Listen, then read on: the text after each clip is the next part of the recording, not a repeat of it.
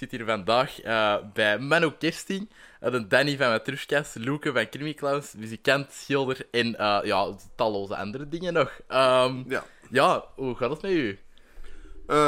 druk. Het is druk. En dat is niet altijd druk, maar nu is het druk. Alright. Dat, dat is, allee, ervaren dat positief? Of? ja. Um... Maar ja, hoe moet ik het zeggen? Het is een, uh, het is een, een, beroepskeuze die ik uh, denk op mijn zes al gemaakt heb. Dat ik acteur wilde worden. En dan... Ja, dan ga je daarmee aan de slag op allerlei manieren. En je komt in allerlei uh, situaties terecht. Eerst veel op het podium gestaan, dan veel voor de camera gestaan. En dan kom je in de situatie terecht dat je ook ineens een jaar weinig werk hebt. Ja. En als uh, werknemer is dat uh, heel erg uh, moeilijk. Mm -hmm, ja, Want je kan in mijn beroep niet solliciteren.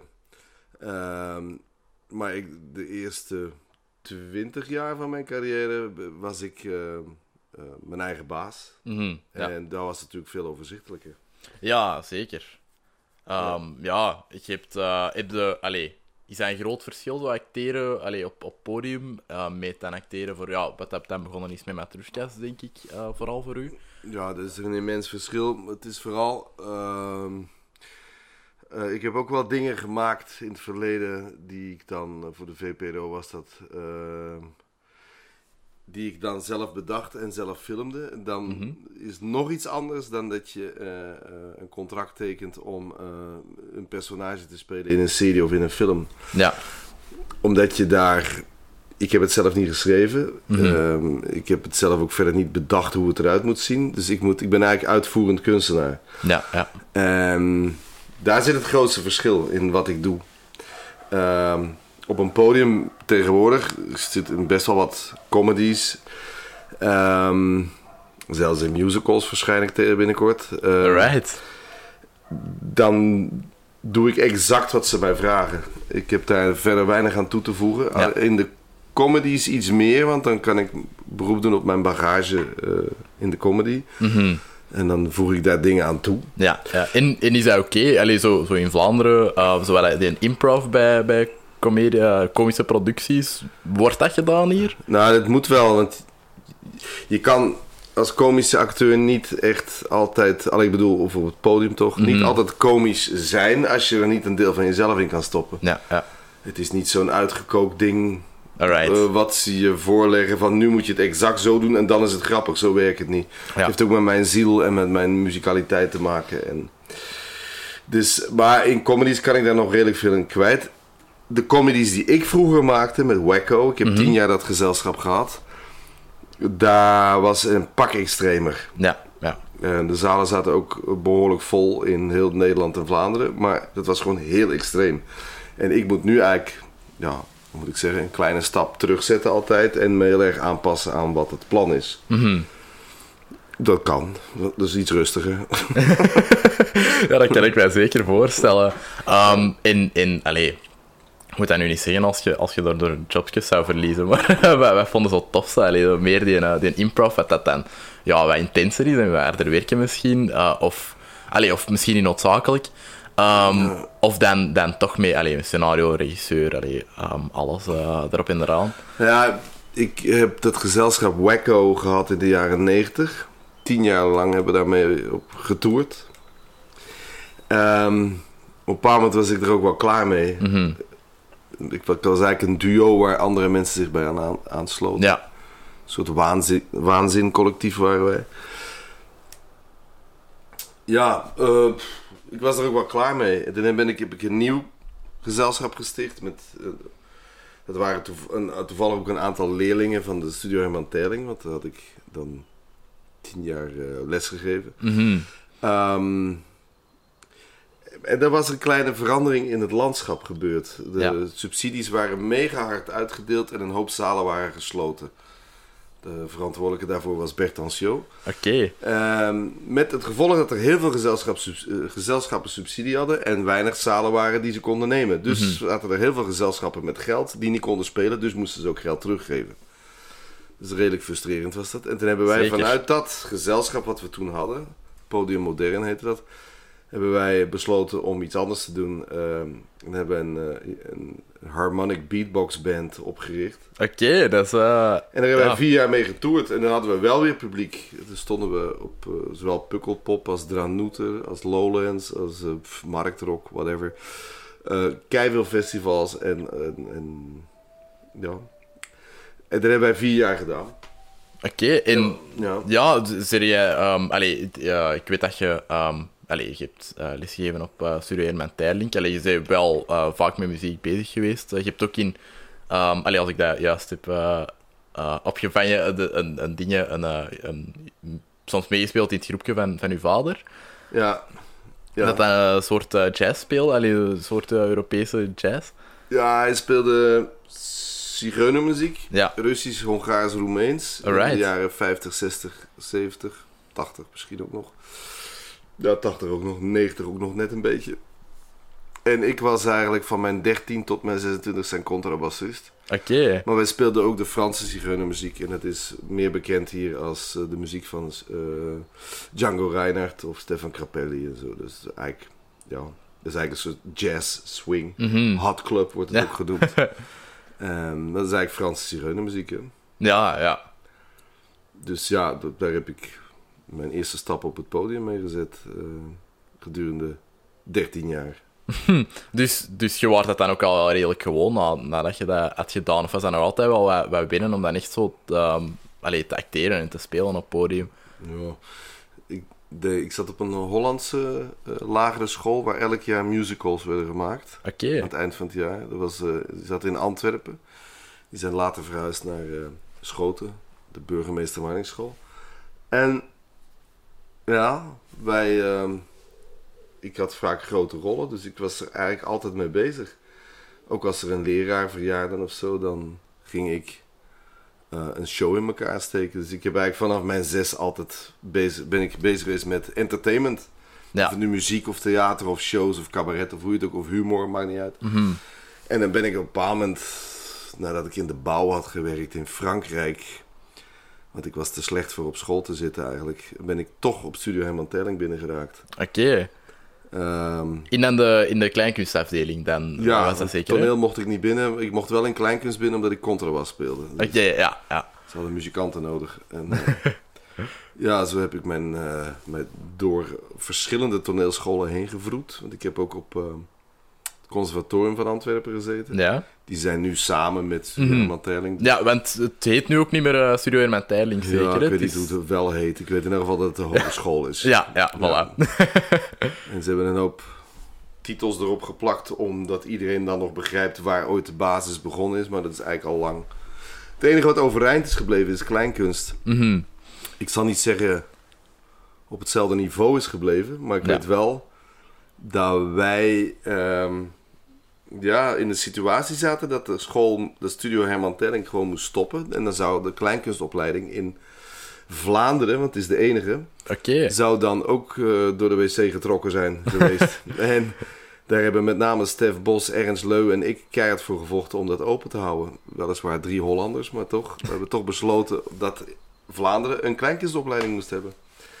En dus daarom bestaat hij nog steeds. Ja, ja. En, en komt er nog altijd veel talent uit? Dus, allee, dat weet ik niet. Werkt Ik- het? ja, ik, pas, ik zie soms mensen passeren en dan weet ik dat ze op die opleiding hebben gezeten. Oké. Maar er is te weinig geld voor die scholen. Ik weet Ja. dat ehm, degene die daar, die daar nu de artistieke leiding heeft, die moet echt met een, met een minimaal budget eh, maximaal kwaliteit afleveren. Dat is Maar onmogelijk. dat is jammer. Ja, tuurlijk. Allee, Dat dat, is onmogelijk. zonder, zonder subsidies gaat dat zeker Kunstonderwijs wordt zwaar eh, ondervoed. Ja, Dat is echt, eh, Mhm. Die mensen moeten wel hoge prestaties leveren, want de jury is heel streng altijd. Maar ze krijgen amper, eh, ja, er is eigenlijk geen geld voor echt serieuze dingen te kunnen doen. Mhm, ja, ik heb nu wel allee, gevoeld en, en ook gehoord eh, dat in de laatste jaren dat, dat precies wel een beetje aan het stijgen is. Eh, want ik zie... Als je weet waar we vandaan komen, blijkt het, zit het er nog altijd zwaar onder hoor. Oké, ja. Vroeger was Ah, er veel meer.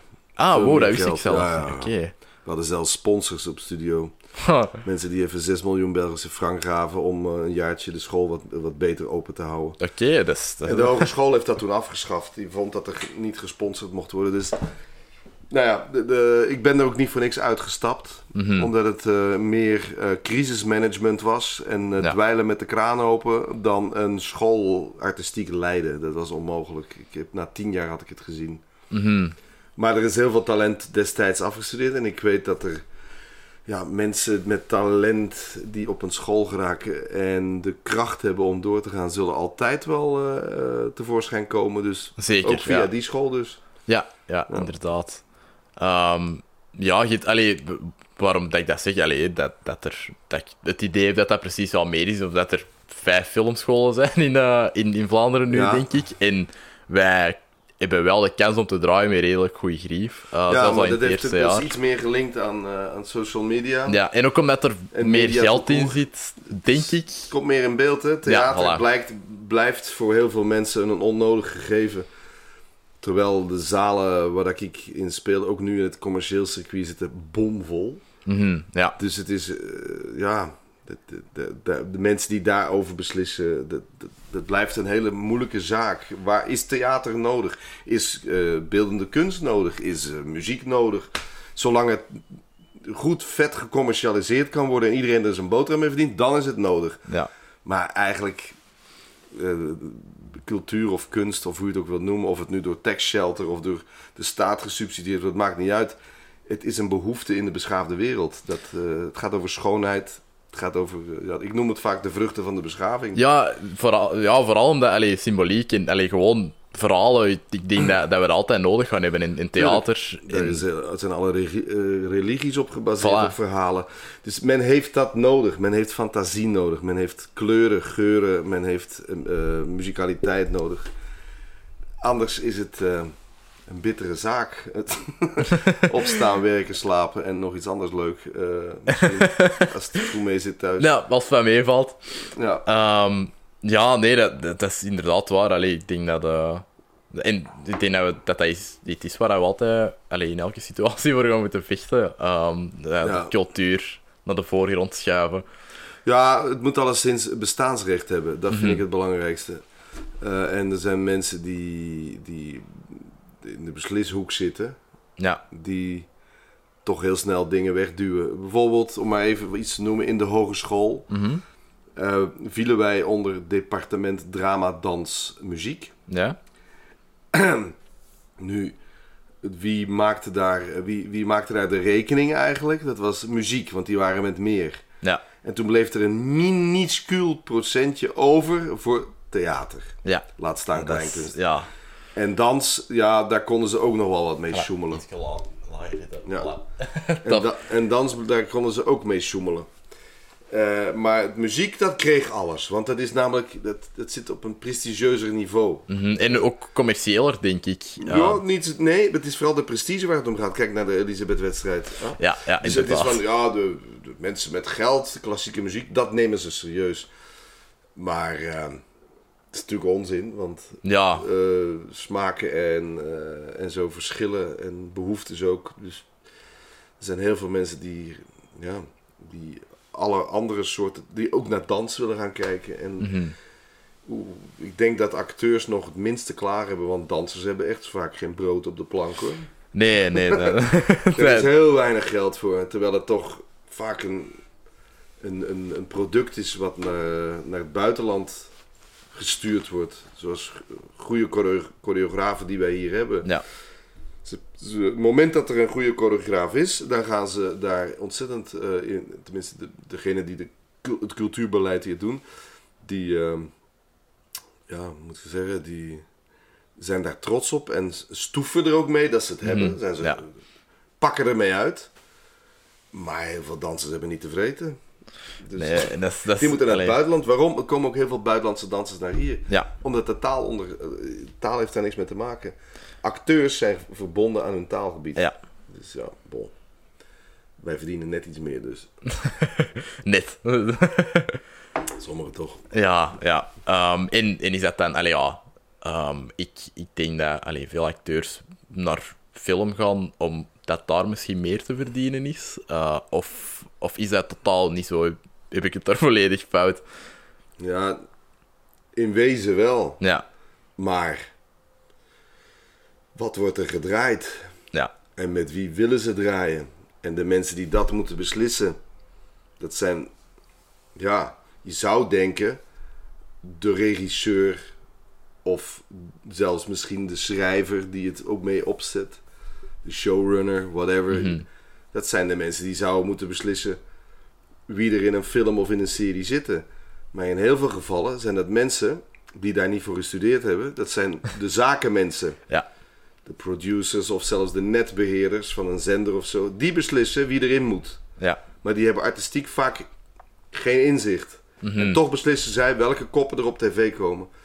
Nu, ik heb daar niet echt zwaar onder te klagen, want ik kom altijd nog wel op de tv. Maar er zijn mensen die gewoon daar niet in geraken. Ja. En andere mensen zijn alleen maar in beeld. Dat is, dat is En, waar, en het publiek klaagt daarover, want ze zien altijd dezelfde koppen. En dat is een klein beetje een probleem. Dus je kan wel zeggen, met wat valt er het meest te verdienen? Ja, niet met acteren. Oké, nee, nee. Tenzij je eh, een, een- deels het geluk en het talent hebt wat Matthias Schoenaerts heeft. Die heeft eh, op het juiste moment de juiste beslissingen gepakt. En hij heeft heel veel geluk gehad. En hij heeft ook heel veel talent. Mhm. Eh, hij heeft ook dingen afgewezen. Omdat hij zoiets heeft van nee, mijn carrière kan eh, in het buitenland Ja. functioneren. Die heeft Batman afgewezen, had Gent, in het buitenland. Robocop. ah, Robocop. Ah, oké. Ja, dat is, dat is naar die Joel McKinnon gegaan. Whatever, of ik zo. weet ja. niet, maar ik weet dat hij Robocop heeft afgewezen. Alright. Ik weet in elk geval dat ik lang geleden, toen eh, Julien, zijn vader, nog leefde, Ja? die zat op het Constansplein op een terrasje. Ik kwam langs, het was een goede vriend van mijn vader, dus we zeiden elkaar gedag. En hij zat daar met eh, toen ook veel jongeren, Koen de Bouw, op het terrasje. Koen ken ik ook goed van de schooltijd. En Julien zei, kom erbij zitten, jongen. En ehm, Dat was echt zo nog met dat, alleen met die acteerstem zo. ja, hij sprak dat. zo, hij had Ah, een geweldig. mooie taal. En oké, ik ga daarbij zitten. En hij was ja, vooral tegen Koen bezig, maar dan nam, betrok hij mij daar ook wel bij. En het ging over hoe het moest in, met acteren voor de film en bla bla. Dus eigenlijk is het een soort gratis klas die je krijgt. Zeker, ja. En toen zei hij van, jongens, bereid jullie voor, want de grenzen zullen opengaan. En jullie moeten jullie talen kennen, want straks kunnen jullie in het buitenland gaan werken. En in welk jaar was dat? Allee, of Eh, toch, waar, waar nog, dus het moet... En hij was nog behoorlijk bij ook. Dus het moet ergens in de jaren 90 zijn geweest. Oké, dat, is- dat is al wel een beetje... Matthias zat volgens mij nog niet op het conservatorium. Oké. Ja, dat, dat is wel... eh Dus kijken echt- in de toekomst wel Echt in de toekomst kijken. En degene die daar goed naar geluisterd heeft, is Matthias. Want die kent zijn talen perfect. Mhm. En die heeft veel werk. Dus die heeft... Ja, dat is... Eigenlijk heeft Julien dat voorspeld. Mhm, dat, dat is geweldig. En mijn ambitie lag niet zo extreem. Ik ben een zeer slechte student, dus ook met talen ben ik ook eh, niet zo fantastisch. Ik kan heel goed accenten. Muzikaliteit, qua muzikaliteit kan ik het. Mhm. Maar ik ben eh, iemand die eh, weinig leest en schrijft, omdat ik dyslectisch ben en ADHD. En ik heb gewoon niet, niet de concentratie om te studeren en, Ja. en, en dat soort dingen. Dus bon, ik moet alles ehm, met, met gevoel doen. Mhm. En ja, met die accenten dan, allee, dat, dat is, eh, dat is geweldig, hè, dat je eh, on the fly... muziek, hè? Maar mocht ik in switchen. Frankrijk gaan wonen twee jaar, dan zal ik vloeiend Frans spreken. Maar Ja. bon, niet even... eh, ik heb in het Frans gefilmd al. Ik vind dat moeilijk. Oké. Ik vind dat moeilijk. Als ik eh, F- in het Frans mag acteren met een Engels of een Belgisch accent of een Russisch accent, geen probleem. Maar als ik gewoon goed Frans moet klinken en de taal goed moet beheersen, dan wordt het een ramp. En in het Engels hetzelfde. Ik heb Mhm. ook wel in het Engels gespeeld hoor, voor de camera, maar ik vind het moeilijk. Ja, ehm, dat, kan ik dat kan ik mij wel voorstellen. Allee, ik bedoel, ik zou... Ik kan ook wel Engels, maar... Allee, ik kan ook totaal niet, act- niet acteren, maar... eh allee, dan vloeiend Engels voor een camera spreken of op, op een podium of zo, dat, dat is... Ja, nee, zou ik denk ik ook heel moeilijk vinden. Ja, er zijn mensen die, dat, die daar goed in zijn, ik niet. Dus je Mhm. moet ook goed weten waar je talent of waar je kwaliteiten ligt, ik zal het zo zeggen. En daar ligt het niet. Ja. Alright, maar ehm, dan bijvoorbeeld, allee, je had het daar net over die koppen altijd terugkomen en zo. Ehm, ik denk, ehm, ja, was dat, was dat het geval met Matrushkas? Want ik denk dat, dat ja, Mark Punt en Gigoses daar wel redelijk veel uh, allee, keuzes hebben Ja, gemaakt. maar die in- zijn, die zijn hun eigen baas. Ja, dat is, dat is waar. Toen ook al? Ja. Ehm, Oké. Ja, want ik weet dat toen de VTM andere mensen voor ogen had. Ja? En Mark heeft toen die knopen gewoon doorgehakt. En die heeft gezegd van nee, als ik, het, als ik dit maak, dan is dat met acteurs die ik wil. Dus de rol die Peter van den Begin speelt, die had, daar had de VTM iemand anders voor in, het in Ja. gedachten. En, eh, nee, dat is hetzelfde met Luc Wijns. Dat zijn mensen die hun eigen, dat zijn hun eigen producers. Ze zijn ook stront eigenwijs naar de zenders. van, nee, ik doe het met die acteurs en die anders. En Mark doet dat altijd trouwens. ook nu, wat we nu weer aan het draaien zijn, Fairtrade. Hij werkt vaak met dezelfde acteurs. Ik heb eh, de, de Instagram-stories gezien, het ziet er echt al wel geweldig uit. Allee, het ziet er Ja. echt eh, ja, het is spectaculair uit. Dus Sven de Ridder eh, zit er heel veel van op, Ja. op zijn stories. En Ja. ik denk, ja, nog een aantal andere acteurs ook. Dat, dat ziet er echt al wel super tof uit. Ja, ja het, wordt mooi. Mhm. Oké, ja, dat, dat geloof ik zeker. Uh, maar ja, je zegt Luc Wijns. Allee, ehm, dat zijn nog wel een stapje verder, denk ik, met Creamy Clowns. wat dat daar heeft gedaan. Uh, ik, heb, ik heb dat... Allee, ik heb in het begin van het jaar denk ik al die seizoenen gekocht en dat helemaal gebinged op een paar weken. Ik vond dat... Allee, dat was, dat was auteurs-tv. Ik vond dat geweldig. Ja, ja black comedy. Is er... Ja, en is er... Allee, dan een groot verschil ehm, met, met, al- als acteur dan, met dat te doen, ehm, naast dan een, een allee, grotere productie met meer budget of zo. Ja, Luc heeft de eh, personage wat ik speel in de Clowns heeft hij deels op mij geschreven met wetende. Hij, kent mijn, hij kende mijn groep Wacko ook. Hij Ja. heeft eh, mij uiteraard meegemaakt in de Matroeskas als Danny. Maar wij kennen elkaar van daarvoor ook al. Mhm. En hij weet ja, wat, eh, wat, wat ik allemaal kan. Of Ja, zo. ja. En dat heeft hij heel goed gebruik van gemaakt. Dus hij heeft het echt op mij geschreven. En zijn manier van filmen was natuurlijk omdat het found footage is, eh, gevonden materiaal. De camera speelt mee. Mhm, ja, de camera is een personage de hele tijd. Hè. Exact. En dan is het ook heel wild filmen. Met gu- Guerrilla-style wordt het ook wel genoemd.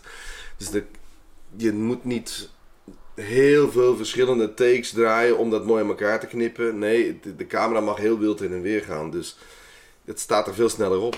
Mhm. En je kan ook veel meer vanuit je eigen humor en vanuit... Je kan ook op de camera zelf spelen. Dat je naar Ja. de camera kijkt. Dat doe je normaal met filmen nooit, tenzij het een... Een, een, Een stijlkeuze is Ja, een ja. stijlkeuze. Maar in wezen, ja, eh, was dat wel een hele wilde shoot. Ja, dat kan ik mij zeker voorstellen. Allee, die, die eh, scène dat, dat je hier in weinig heeft, heeft gedraaid, eh, met dat, met dat Ja. frietenbarakje. die mensen Ah, ja, hadden... dat- eh, ja, dat, is- ja, dat was legendarisch in weinig. Allee, iedereen was er heel het jaar over aan het babbelen toen. Ah, dat was hier. Ja, ik, weet. Ik, ik weet dat we bij een frituur gefilmd maar ik wist niet waar het was. Ja, dat is, hier, dat is hier echt achter de hoek eigenlijk. Dat is echt, ehm, ik weet niet langs waar dat je gereden bent, maar dat is zo op een Merksimse bank. Ik denk dat je er zelfs misschien voorbij zou gereden zijn of zo. Ehm, Dat zou kunnen. Ja, maar eh, dat was, ja, die hadden ehm even meer klanten toen, toen dat, dat gebeurde in, eh, in de Ja, serie. Ehm, maar ja, nee. Hoewel, we er, eh, hoewel we er geen reclame voor maakten. Nee, nee, ik, nee. ik vond alles vies wat daar kwam. maar Dat was Ja. natuurlijk niet zo, maar dat was... Ja, nee, het wa- Ja. dat was een vettig frituur. Ik bedoel, dat, dat was echt een walgelijk frituur. Allee, hoe dat... Denk, ofwel wist Wijns wat dat was, ehm, en, en welke reputatie dat het had, en ehm, heeft hem dat daarop gebaseerd, ofwel was dat puur toeval. Maar dat is... Nee, het zal wel... Nou, niet, hij heeft een frituur gezocht die paste bij het beeld wat hij wilde. Ja, ja. En dat moest inderdaad een frituur zijn die langs de baan is in, buiten de stad. Want zoals ik dat ook als personage, daar, daar vind je de beste frieten. En dan ik, eh, nou, Nee, een koude cervella vast, hè. ja, en, eh, de stoofvlees is van een hond gescheten. ja, maar goed. Yes, ja, Ik inderdaad. voel me geamuseerd, ja. Ja, dat kan ik me zeker voorstellen. Allee, zo zei het er ook echt wel. In het Weinigem Shoppingcenter ook eh, gedraaid, hè. Ah, ehm, Ja, dan, wat kwamen wij dat doen? Ja, dat, ik kan mij We er... kwamen naar een Sinterklaas en we deden daar ook, omwille van Sinterklaas, was er dan ook een soort clownshow even. Ah, dat is juist. En daar werd eh, de, de, de Chris ehm, Willems, dus de, onze dwerg zou ik maar zeggen, Ja, ja, ja. die kreeg daar een steen tegen zijn kop en dan Ah, dat is gaan we hem laten verzorgen ergens. en dan blijkt dat die persoon die bij het Rode Kruis werkt, daar ook de, de, een soort huisdokter is van eh, het shoppingcenter. En blijkt dat wij die al stickers hebben gepikt ooit. Ja, ja, nu, ja, ja, het komt terug. Maar ja, dat kon zij niet zien, want we waren allemaal als clown geschminkt. Dus, Ja, dat, eh, dat kan ik mij inderdaad herinneren. Dat is eh, gigantisch eh, grappig. Maar ik, ja, dat was zo wel iets... Terwijl je dat zegt, dacht ik van... Ja, zou dat nu opnieuw gemaakt... Allee, zou er zoiets nog gemaakt kunnen worden nu? Allee, Ja. ehm, dat is zoiets uniek. om de zoveel tijd komt er weer zoiets gedurfds om de hoek. Bevergem was een hele goede. Ja, inderdaad. Zeker. Eh, generatie B. En ja, soms durven de zenders ineens aan. En misschien omdat er iemand even niet opgelet heeft Mhm. dat het dan ineens mag. Ja, Er zou meer mogen, want er is in, in Vlaanderen is eigenlijk ontzettend veel kwaliteit aanwezig. Alleen zeker. zitten zeker. de zenders altijd maar te denken dat het niet bij hun ehm, profilering past. Mhm. En dat is, het, dat is de grootste job die we allemaal moeten doen. Dus, eh, er, ik heb ook stapels scenario's liggen. Ik heb een, scena- een scenario geschreven voor een reeks. Samen met Alex Agnew en Thomas Smit. Dat is juist, ja. En dat is... Dat is Oké, dan is nog heel veel werk aan het scenario. Maar de basis is gewoon rete goed om iets mee te maken. Voilà, Dat is- ja. is- het zit ergens tussen Entourage en, en, en tussen... eh, God, er zijn nog een paar van die Amerikaanse dingen. Ehm, Entourage komt het meest in de, in de buurt. Mhm, Ja, dat klinkt al heel goed als, Ja. daarop, als daarop lijkt. Er was er nog eentje, ehm, mhm, kom er even niet op. Ja, De Sopranos of zo. Cali- California, Ah, Californication. Californication, Ja. ja. Die sfeer zit daar heel erg in. Ehm, ik heb daar wel door een paar mensen laten lezen en dat wordt, ja, terwijl ze het lezen, flikkert het al in de vuilbak. En niet omdat Ah. het niet goed is, maar weet ik veel waarom, waarom er niet voldoende lezers zijn om te zien wanneer er kwaliteit is. Ik zal niet zeggen wat ik maak altijd kwaliteit is, maar er is, als je ziet wat er dan wel gemaakt wordt, Ja, van, voilà. Allee. Mensen, alstublieft. Ze weten soms van geen hout pijlen te maken. De meest grote bagger komt op de televisie. En Mhm. dat vinden ze allemaal plezant. maar in wezen, eh, er is meer te vinden in dit land. Hoor. Dat is wel zeker, Veel, ja. veel, veel meer.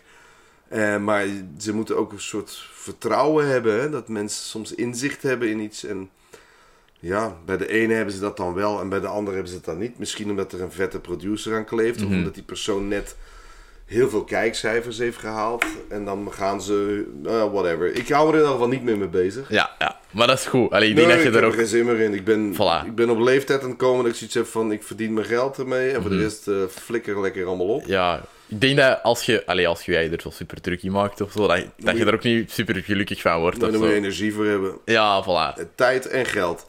Daar moet je erop voor. En ik heb dat niet. Ik heb daar geen energie meer voor. Ik heb daar ook geen zin in. Nee, maar het zou natuurlijk tof zijn als er eens een kans zou komen, als dat scenario toch gemaakt zou kunnen worden. Of wie zo. weet hobbelt het wel eens. Maar als je daar dag en nacht mee bezig moet zijn, is het doodvermoeiend. Tuurlijk, het, het ik dat niet veel voor... Ja, regisseurs. Hè. Eh, Nu weer ben ik ook met, met Pieter van Hees aan het draaien. En straks komt er nog een regisseur. Dat is een vrouw. Ik ben haar naam even kwijt. Ehm, ik heb nog niet met haar gewerkt. Ze gaat ook Undercover 2, het Oké. tweede deel draaien. Ehm, en als je met die mensen goed werkt, dan is daar misschien ook nog wel eens een opening. Maar ik, ik heb altijd zoiets van, als het gesprek toevallig die kant op hobbelt... Mhm. En wie weet, op een dolle avond komt iets te sprake. En dan zal ik misschien wel eens ja, ja, ja. eh, een script onder iemand zijn neus terugleggen. Maar in wezen heb ik zoiets van, nou, doei. Ja, ja, nee, dat, dat versta ik wel. Is er, allee, ehm kun, je, kun je al eens een korte pitch geven of zo, of wil je dat volledig niet, eh, niet doen voor al het scenario dat je geschreven hebt? Nou, het zijn, het zijn er twee, hè. Je, je hebt... eh, het, eentje gaat over een soort... ehm, ja, speelt zich af in een muziekscene. Mhm. Waarvan de hoofdpersonage destijds dan Alex Agnew Ja, zou zijn. En ja, op een of andere manier belandt hij in een soort burn-out. alright. Ehm, maar heel zijn management en de rest van de band en heel zijn entourage probeert er van alles aan te doen, maar dat gaat juist dus allemaal verkeerd. Ja, ja, ja. En op het moment dat hij echt zoiets heeft van: ik, eh, ik heb het gehad, Mhm. dat hij zich ook heel kwaad erover maakt, komt hij eigenlijk op een fantastisch nummer terecht. En begint het hele gedoe weer. eh, ik durf daar niet veel over te zeggen, omdat voor je het weet zit iemand anders het uit te Voilà, schrijven. voilà. En het is ook een podcast, dus allee, Zo. dat, dat is gevaarlijk. Dat, Ja, het is, en er is nog meer een er niet andere, zeggen. gaat over... Ik heb ooit een show gemaakt, Manon en Manouche. Ehm, Dat is een soort roadshow met een soort gypsy big band Mhm. en burlesque danseressen. Ja? En daar heb ik een eh, script over geschreven over alles wat zich niet op het podium afspeelt. Ja. Dus in de tourbus, eh, in de kleedkamers. En er is ook een heel soort magisch realistisch verhaal wat daar doorgeweven is. Alright. Zodat iemand de doden kan zien. Mhm. Zoals dat bij Zigeuner dingen wel vaker gebeurt. Kijk maar naar, eh, hoe heet die ook weer, Koestenitsa of zoiets. Eh, Eh, ja. Van Black Cat, White Cat. Dat Ja, ik, juist. ik ben... Ik kan even de camera opnieuw Ja. laten recorden, want die, die DSLR's die draaien maar een half uurtje. Oké. En je kunt dat ook niet veranderen in die instellingen, dat is niet heel, heel rattig. eh, omdat het anders een videocamera zou zijn. Ah, ja, Oké, ja. that being said, we zijn, eh, we zijn terug bezig. Oké, top. Ja, je mag me direct onderbreken hoor. Ik lul wel door. Dus, eh. ja, ja, ja, voilà. Maar ehm, nee, wat, wat, ik ben natuurlijk als, als, als jonge gast heb ik altijd in zigeunerbands gespeeld. En Ja. dan kom je met heel veel zigeuners in aanraking. En daar leeft ook een soort van magisch realisme Mhm.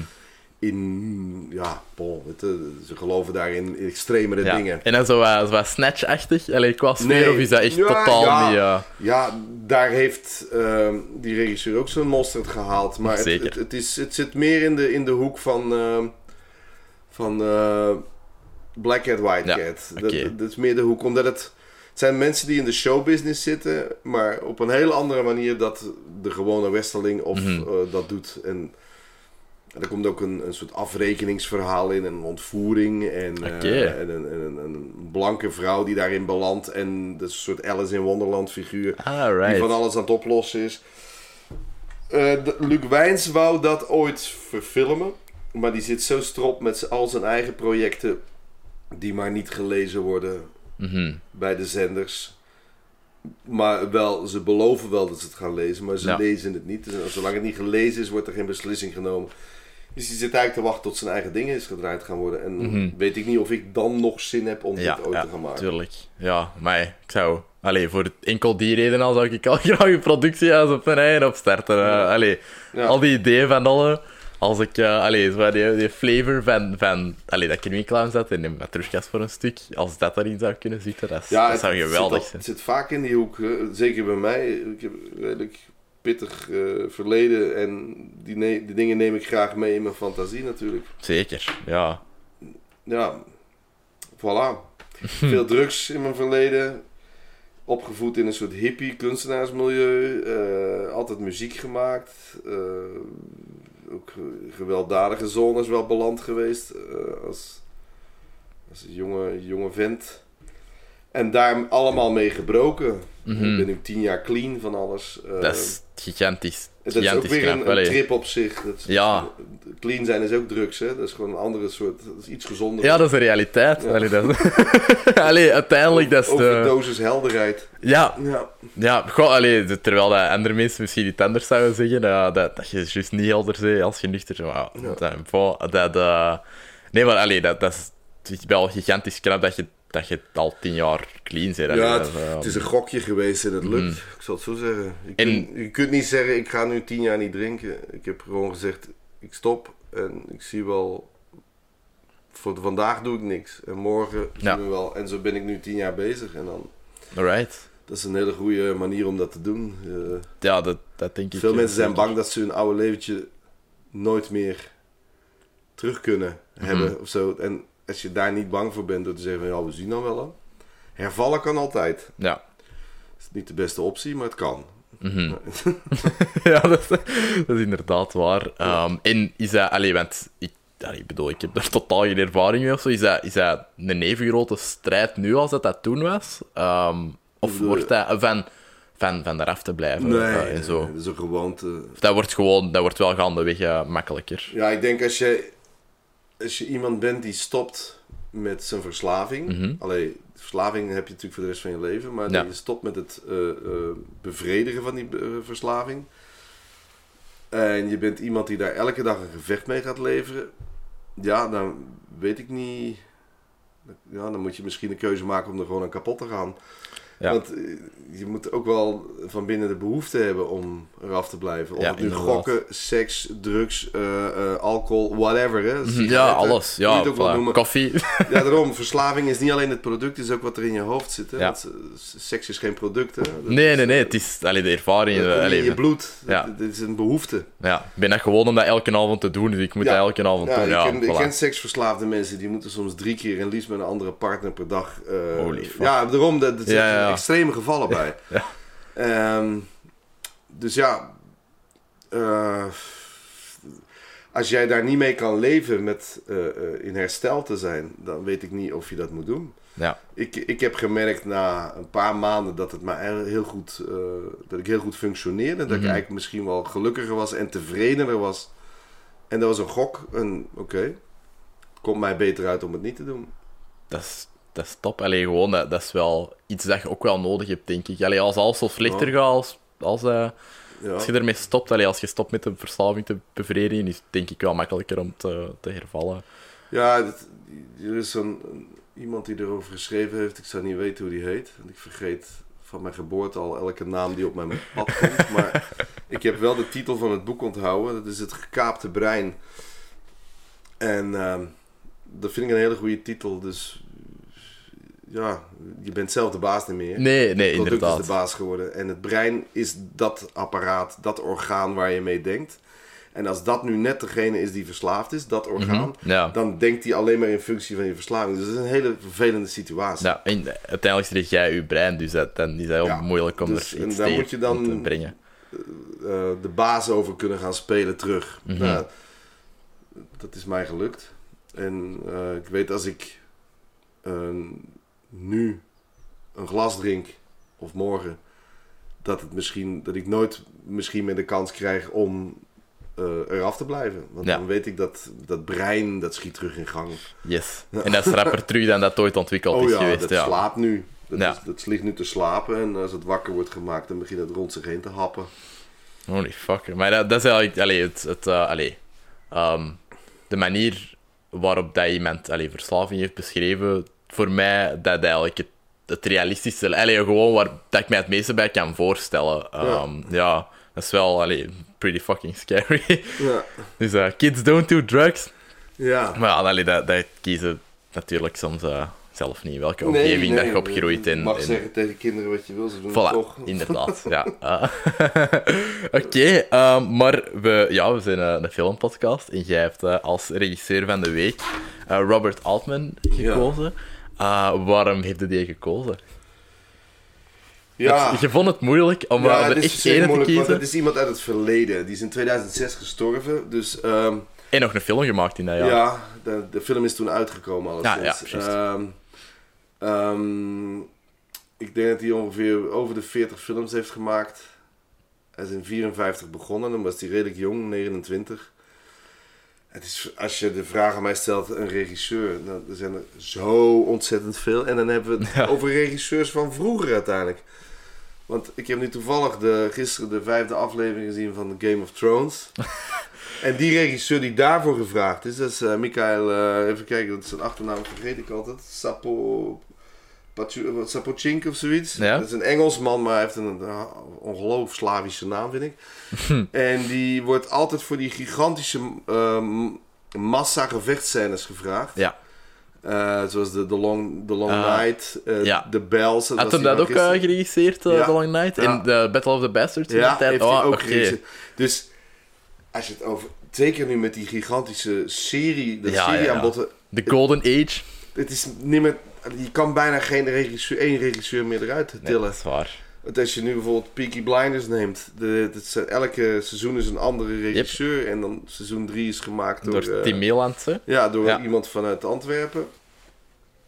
Het, het, ehm, natuurlijk met een filmregisseur, en zeker een filmregisseur van vroeger, die bepaalde alles. Mhm. Hè, zoals Coppola of... Ja. eh, Zeker, ja. Als je de uh, allee, eh, documentaire over Apocalypse Now ziet, eh, voilà. de, de- en, ja, en hoe heet die daar van t- 2001 Space Odyssey? Eh, Kubrick. Kubrick. yes. Dat, is ook, dat zijn van die gasten die, die, die konden zo'n ongelooflijke toon zetten. Dat waren ook pioniers in het eh, uitvinden van de film, de Mhm. moderne film. En daar s- als ik daar dus tussen ga zoeken en niet tussen alle moderne regisseurs die waanzinnige dingen maken en ook waanzinnige baggers soms maken. Dus het is heel moeilijk te plaatsen. Ehm, maar als je dan die, de, de, de- laten we zeggen, de voorbeelden van vroeger pakt, dan kom ik toch het meest bij Robert Altman uit Ja, omdat hij, zijn specialiteit is dat mensen eh, super eh, een soort natuurlijke manier van spelen hebben, maar toch, toch een, een streepje erover gaan. Dus Ja, een soort ik heel hard hyperrealisme. gemerkt. Ja, En, en hij heeft ook comedies, die, zoals MASH, dat is dan een serie geworden, maar hij heeft ook film ooit gemaakt. ja in 70 Ja, zeker. en Ja, er zit altijd heel veel humor in. Die man heeft ontzettend veel humor in zijn, zelfs in zijn drama dingen. En Ja, want in de, de Long Goodbye zijn meer een drama. uh, Ja. Maar dat, allee, Het vol met grappen. Voilà, ja, inderdaad. Het zit vol met grappen. De- de- En eh, dat is ook mijn favoriet hoor, The, The Long Goodbye. Omdat het ehm, alles vertelt over hem. Dat is een, een, een van zijn wij, dat is een, een veel minder commercieel product. Zeker, ja. Maar het, verte- het vertelt alles over hem. Zoals hij de wereld, zijn wereld neerzet. Mhm. Eh, de meeste dingen die ik daar me van herinner zijn van, denk wel 25 jaar geleden dat ik die film misschien voor het laatst gezien heb. Oké. Ehm, ik, ik zou, je zou dat kunnen opzoeken, maar bijvoorbeeld op Netflix en, en eh, Play More zit het allemaal niet. Nee, nee, dat is waar. Altman, dus je kan natuurlijk op YouTube gaan zoeken en dan vind je eventueel fragmenten of zo. Maar, hem in de videotheek gaan huren. oh ja, dat kan, ja, exact. Maar de, Dat de, we nog in weinig. ja, ja, ja, ja. Nou ja, het, het is hoe die man waarschijnlijk zelf in het leven stond, zo is die film ook ongeveer gemaakt, vind ik. Mhm. Denk Ja. ik. Ik, ja, het, zo ziet het er wel uit. Want gelijk, gelijk, ehm, eh, wanneer dat hem in, in het ziekenhuis ligt, ik weet niet of je die scène nog herinnert, ehm, en er ligt een, een persoon naast hem dat volledig in, ingewikkeld is, in, in bandages en zo. Ja, ja, ja. En die geeft die een mini mondharmonica. En die weet niet wat dat hij ermee moet doen. Die zegt, ah, oké, ik zal wel wat oefenen en die gaat weg. Maar gewoon, allez, ik weet niet, ik weet zelfs niet waarom dat, dat erin zat, maar dat is gewoon heel, heel absurd. ja. Voilà, echt funny. Ja, er komt ook zo'n Rus in tevoorschijn. Een Rus die, die, die ook zwaar alcoholist is. En Ja. op een strand woont. Ja, Een balkon met allemaal halfblote dames, meisjes die Yes. heel hippie zijn en zo. Het is, ik vind het een fantastische film. En nou ja, je hebt natuurlijk eh, de, de modernere films die ook behoorlijk eh, veel succes hebben gehad, zijn The Player. En, eh, Ja, ik vond de player fantastisch. Ja. Ik was er klaar mee een minuut voordat jij belde, dus Oh, ja. die zit er nog heel ver zien. Die vond ik echt, echt heel goed. Maar dat zijn Ja, meer comedie De, de beginshot is wereldberoemd, want het is nog allemaal zonder digitale mogelijkheden. Ja, dat, dat de beginshot duurt, ik denk een kwartier of misschien 20 minuten. ja. Dat is één camera die doordraait. Dus dat is echt het is niet gemonteerd, niet geknipt. Die camera die loopt tussen van alles door, maar dat, die gaat zelfs door een raam binnen. Hoe ze het gedaan ik weet niet. Nu kan dat digitaal allemaal. Ja, ja, ja. Maar toen kon dat niet. Het is ongelooflijk. Het is een, een, een- ja, dat is echt een wereldberoemd shot eigenlijk. Ja, en want ze, ze ehm, refereren ook naar, naar dingen. eh allee, hoe heet hem? De film van Orson Welles, waar dat, dat ook. Allee, dat er eigenlijk mee begonnen is met Ja. het lange openingsshot. Allee, kijk, ha, ja, ik ben de naam vergeten. Uh, It Me Darkness. Ehm, ja, ja, ik weet wat je bedoelt. ja, Heart inderdaad. of Darkness? Nee, dat is de, de boek waarop dat Apocalypse nou is Ah, ja. gebaseerd. ah, stoem. Ja, nee. ik, ik heb hem volgens mij nog niet zo lang geleden gezien. ja hij, staat hij stond toch ook op Netflix. In Cuba of zo speelt ze? Eh, ja, ja inder- inderdaad, of de Mexicaanse grens. Ik, ja, ik moet het nu even eh weten. Ja, er is zo'n zo'n shot in een straat. Ja, en er wordt ja, ook iemand neergeschoten. En daar, daar, daar is zo'n eerste ding al. Maar je hebt ook in een andere film, en ik weet niet van wie dat is. Ehm, dat gaat over het laatste kind op de wereld. Ehm, A Touch of Evil. dat was het. Man, Child of Man. Ah, Children of Evil, Men. ja. Children of Man. Ja, Dat Daar is ook oh. zo'n eh, een, een shootout Ja, de, de, tussen rebellen en, eh, en, en het leger. yes, de grote climax, zo, hè. Dat, ook waanzin. Ook geen knip in, hè? Nee, nee. En gewoon, allee, dat zijn nog veel knapper, hè, want wat dat, dat heeft allee, gedaan met, met staging en wat dat er allemaal gebeurt rond die personages. Explosies en eh, ja. Ja. Ja, Ehm, ja. Dat zit zelfs in die Harry Potter film dat hij geregisseerd heeft. Dat is van eh, Alfonso Cuarón. En Ah, ja. eh, die heeft Harry Potter en The Prisoner of Azkaban geregisseerd. En die eh, opent daar niet mee, maar bij de eerste... Alleen, na de eerste 20 minuten is er zo'n scène... ehm, dat dat ook doet. Zo, zo één shot van, denk ik, 8 minuten. Ehm, dat ook heel, heel zot gedaan is. Ehm, dus, dus ja, je moet er wel eh, talent voor hebben, denk ik. Ja, ja eh, Pret-à-Porter is ook een van zijn bekende films van vroeger. Van, eh, Van Altman. Ja, Ja. Dat, is, eh, de, dat is zo niet, niet lang na de player. Het speelt zich af in het modecircuit natuurlijk. Ja, pff, ik, ik vind dat die man eh, gewoon een hele mooie manier van vertellen heeft. en, ja, ja, is het eigenlijk. Ja, ja, ja. En, en gewoon de, de perfecte mix van zo, allee, wat misdaad en thriller en comedy. Want je- er is ook veel suspense in die films. Allee, als je suspense wilt, dan is dat er. Ja, absoluut. En eh, dan kan dat allee, uiteindelijk uitdraaien in, in een gigantische joke. Dus eh, dat vond ik echt... eh, Ja, en hij is ook heel goed in zijn cast altijd. Hij pakt altijd hele goede personages die de boel vertellen. en niet altijd commercieel gericht, soms wel, maar niet. En dat is, ja, dat is een kracht van hem. Ja. Dat, daarom sprong hij er een beetje uit. Maar er zijn er zoveel van die periode natuurlijk. En nu is het al bijna niet meer bij te houden. Omdat Mhm. we natuurlijk ja, een heel andere soort industrie hebben gekregen met Ja. die series. ja, ja, ja. Waar mensen soms ook gewoon verder komen gaan. Zoals bij bijvoorbeeld eh, Peaky Blinders. Dat die Milan eigenlijk gewoon eh, het verhaal verder zet. Ja. En zijn dingen aan toe kan voegen. Maar Mhm. voor de rest heeft hij daar weinig aan. aan eh, ja, het is niet zoals Altman die zegt: Ik ga nu een film maken die speelt zich af. In het hoerenmilieu of zo. Ik zeg maar wat, eh, klaar. Inderdaad. Ah, die, he- die heeft ook een seizoen van Legion geregisseerd, denk Ja. ik. Zo'n zo'n X-Men-serie. Dat, dat is een heel, heel psychedelische Ja, eh, serie. klopt. Maar ehm, ja, dat, ga, dat is kei raar dat dat, eigenlijk een superhelden-serie is. Allee, Ja. pretty weird. Ehm, zijn er zo nog regisseurs dat je, dat je hebt ontdekt zo de laatste tijd, eh, waarvan dat je denkt van, mij die... eh, dat zijn mensen dat, dat ik eerder had moeten leren kennen, of waar eh, zeker naar uitgekeken moet worden, of zo. Ik zeg het, ik ben heel erg slecht in namen. Eh, ja, nou ja. Je hebt, het hangt een beetje soms van, van series af, maar ja, het is Mhm. meestal niet één regisseur. Hè? Ehm, ja, soms. Allee, dat, dat hangt er wat van af. Ja, ja ik, ik, ik, ik vind het heel moeilijk om erover te praten, omdat ik. Ehm, ik kijk altijd wel hoe ze heten. Ja. En ik zie soms ook dat ze meerdere dingen doen en soms Mhm. zoek ik het op, maar ik onthoud dat niet. Ja, ja, ja. ja. Ik kan Right. daarom ook niet in de slimste mens meedoen. ik heb al vaker eh, een, een voorronde gedaan en ik onthoud geen namen. Ik kan moeilijk van alles een speakbriefje bij hebben. Ja, ja, ja. Ehm, dus dat is een beetje een probleem. Ja, Om hier een, ja. eh, En, en allee, je mocht ook gewoon titels zeggen van dingen dat je, zo, dat je tof vond eh, de laatste tijd. Of, of is dat ook allee, moeilijk om, om te ik, onthouden? ik zie veel, hè. Ja, ja, ja. Ja, ik heb de indruk. Allee, gewoon, jij werkt keihard en dan zie je nog Nou, superveel. het- Ik ben natuurlijk verslavend gevoelig. En eh, aangezien ik geen drugs of drank en dingen meer doe, Ja. kijk ik dus tv. En films en series. En ook niet meer. Soms het nieuws, maar voor de rest, ik kijk amper tv verder. Mhm. Dus, dus zo van die multicam, allee, talkshows en... en eh, Alsjeblieft niet.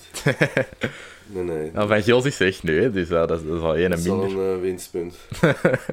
ik ben daar één keer uitgenodigd geweest. Omdat ik de stem deed van... eh, in Lego... eh, Ah ja, van Batman. Van Batman. Yes. En er was een Batman special gemaakt. En toen werden heel de baardenmakers en ik werden uitgenodigd.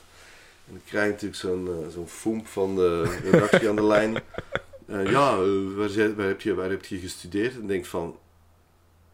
ehm, dat kan je sowieso allemaal vinden op de betreffende Mhm. eh computersites. Maar goed.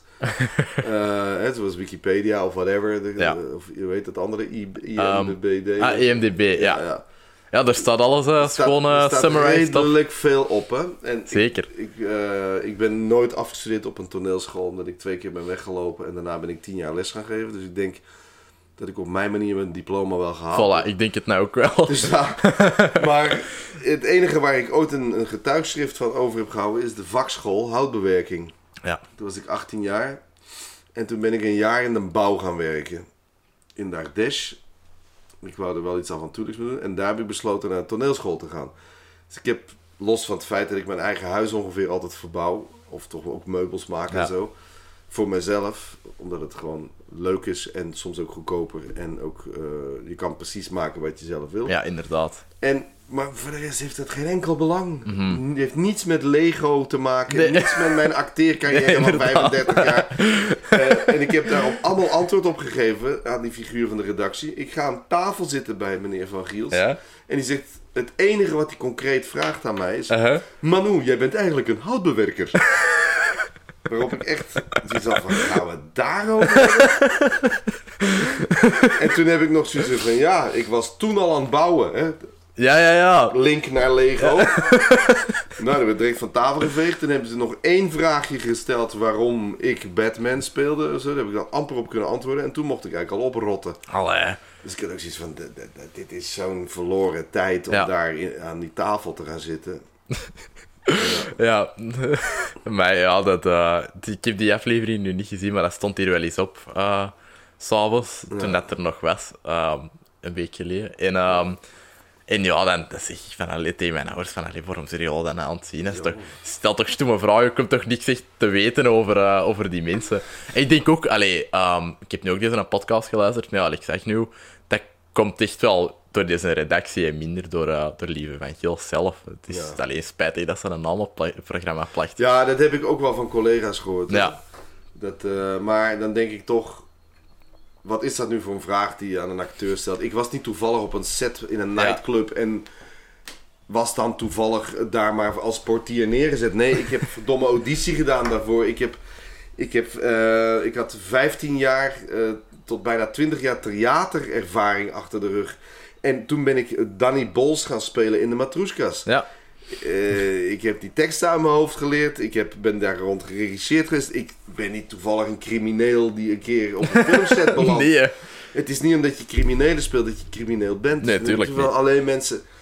Hoe serieus nemen jullie eigenlijk de Vlaamse cinema als je aan een acteur gaat vragen wat hij voor zijn acteercarrière gedaan heeft en daar het over gaat hebben in een talkshow? Mhm. Neem me niet kwalijk. Nee, nee, nee, maar dat, dat, is, dat is compleet terecht. Allee, dat is, dat is- eh, maar dan verder ook niks anders vragen, hè? ja, allee, dat, dat is nu ook wel, ik weet niet, het oninteressantste dat je kunt vragen, denk ik dan.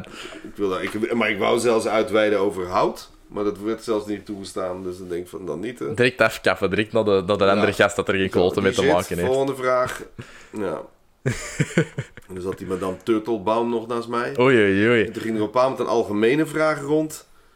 Van als je lang samen bent, of er dan nog sprake is van seks of liefde. Of houden van, of verliefd zijn. En ik had een prachtig antwoord in mijn hoofd. Brusselmans was allemaal dingen uit zijn nek aan het slaan. En ik denk van, ik wil het niet weten hoe dat ga je dit.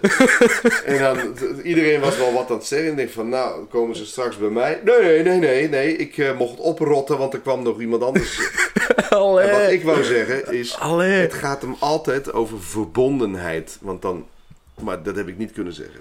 Bij deze heb ik het gezegd. Dus jij had eigenlijk het cynische antwoord van... van en misschien de het- persoon dat er ook het meeste over kon zeggen. Want eh, wij hadden een, een, een, allee, een politica, hè, en, eh, dan, dan Herman Brusselmans. Dat, ik bedoel, deze seksleven is redelijk bekend zelfs, denk ik, eh, Ja, publiek. Als het al een seksleven is. Ja, voilà. Allee, dat, dat weet niemand zo. Nee. Ja. In de boeken wel, ja. Eh, en dan, dan zat... de wie zat er nog bij u? Ja, Turtelbaum en dan Ja. De Baardenmaker. Ja, juist. Ja, die zei, eh, ik weet niet wat ze zei. Volgens mij was het gewoon redelijk oppervlakkig verantwoord. En dan denk ik, oké. Mhm. En daar ga je ook vanuit dat die waarschijnlijk, die is nog niet zo lang met haar man samen, die ken ik ook, dus een producer. Ja. Eh, ja, die zijn happy. Dus daar- Voilà. Daar kan je alleen maar dat antwoord van krijgen. Ja, wel. Maar bij zo'n turtelbaum kan ik me wel voorstellen van, hoe zitten die met z'n twee op restaurant? Ja. Hebben die ook plannen om straks gigantisch te wippen of zo? Heb je ooit eh, Youth gezien? Die, eh, die film van Paolo Sorrentino. Dat is een Italiaanse regisseur. Met Harvey Keitel en Michael Ja. Daar is toch zo'n situatie dat, dat er twee heel, allee, redelijk oude mensen Ja. aan een tafel zitten. En dat ze, dat ze denken van, allee, wat, wat, wat zijn die daarna aan het doen? En dan hebben Harvey, Harvey Keitel en Michael Caine wetenschap van... eh, wie dat soort babbelen krijgt zoveel Ja. geld. Uh, allee, wel of niet dan. En daarna zien die die kaartpoepen tegen een boom, zo in een Ja. bos daar. Ja, vond ik echt, eh, echt Fantastische geweldig. film trouwens. Ja, Ehm, Ja. ja. dat is een regisseur die eigenlijk, allee, waarvan ik zo even geleden een aantal films van heb gezien. En dan dacht van, ah, dat, dat is goed, maar ik ga dat nu niet direct verder zien. Dan zei ik eh, toevallig lekker aan de Bellezza. eh, Ah ja, die heb ik ook gezien. Een beetje Fellini-achtige eh, Ja, die heb ik nu, denk in de laatste twee maanden vijf keer gezien, omdat er blijven dingen Ja. die terugkomen. En ik denk van, what the fuck, Ja, dat is zo Dat is, geniaal. maar dat is die film ook echt. Hè. Je Ja. hebt, voor mij was het ook een beetje een, een, een, een hommage aan Fellini. Die sfeer heeft het echt. Ja, Zeker. Amarcord en zo. Van Fellini. En eh Le Città della Donna. Maar er zit ook een volledig eigen ding in. Absoluut. Hij heeft een eh, eigen identiteit. Zeker. En ik heb... ehm, ik vond hem te lang duren. Maar het duurt heel lang. dat hangt ook van de timing af wanneer je zelf gaat kijken. Mhm. Er zaten momenten in die gewoon te lang duurden. Maar ook hou ik daar wel van. Maar dan moet je echt de tijd en de rust voor hebben om daarin Ja. Mhm. mee te kunnen gaan. En dat had ik op dat moment niet. Ik moest ook iets gaan doen, geloof ik. Dus Ah, ja, ja. nog bezig.